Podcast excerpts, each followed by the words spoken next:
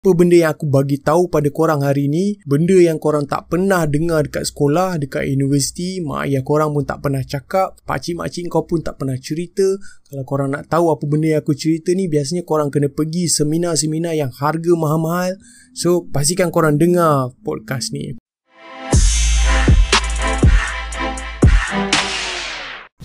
Dalam podcast ni, anak muda akan belajar secara santai mengenai hartanah di Malaysia. Sila like, tinggalkan komen dan share pada kawan-kawan korang jika korang mendapati info-info ini berguna. Okey? Anda sedang mendengar podcast Hartanah 101 bersama hos anda, Afendi.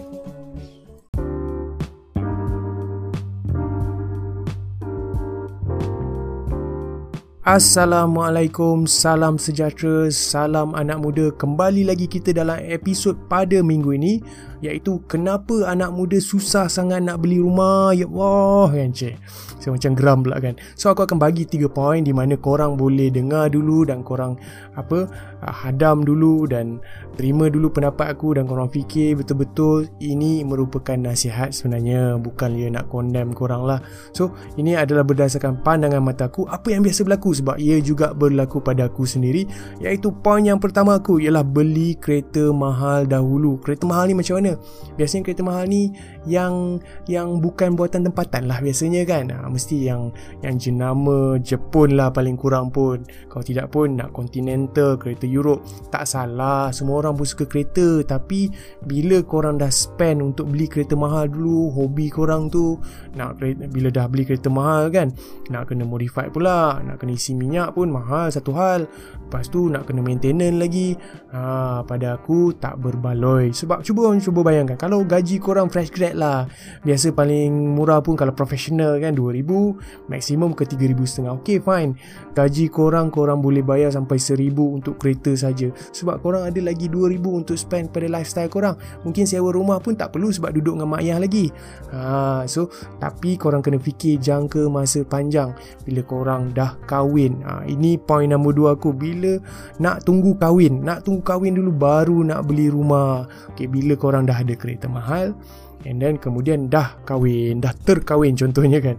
Dah terkahwin kemudian korang nak sewa rumah. Sewa rumah kereta kalau dah jenama bukan apa bukan jenama tempatan lifestyle rumah pun mestilah mahal jugalah kan? Takkanlah nak seribu mestilah seribu setengah kondo babe kan? Boleh sewa seribu setengah.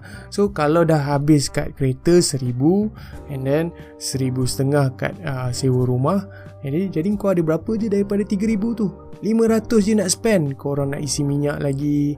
Ha, Time tu lah baru fikir Kalau aku beli time sebelum kahwin dulu kan Bagus. Sebabnya banyak Bila lepas kahwin macam-macam korang nak fikir. Bila ada anak korang nak buat uh, saving Nak buat investment Nak beli insurans lagi. Uh, Lepas tu nak fikir beli rumah lagi Nak kumpul duit deposit lagi kan. Bukan senang. So Point nombor satu dan nombor dua tu relatable lah. Memang kena juga pada aku. So aku nasihatkan kepada korang Jangan buat kesalahan ni. Okay So kembali lagi kita akan pergi ke point nombor tiga aku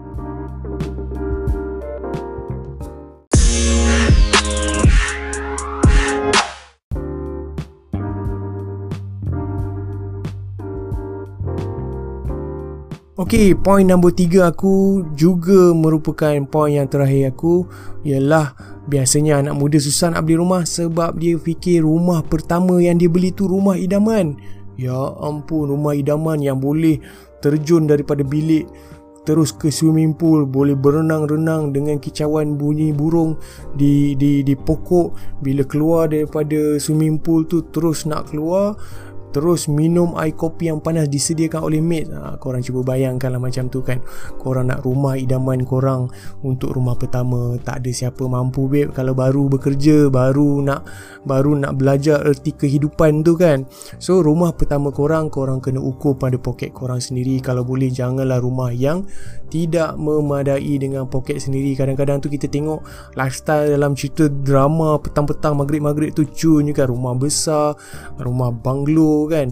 Yang tu semua rekaan babe. Dia orang sendiri pun bukannya mampu kadang-kadang tu. So kita berbalik kepada realiti rumah yang mampu kita beli. Kita jangan tengok kawan-kawan kita jangan tengok orang sekeliling kita yang beli rumah besar-besar.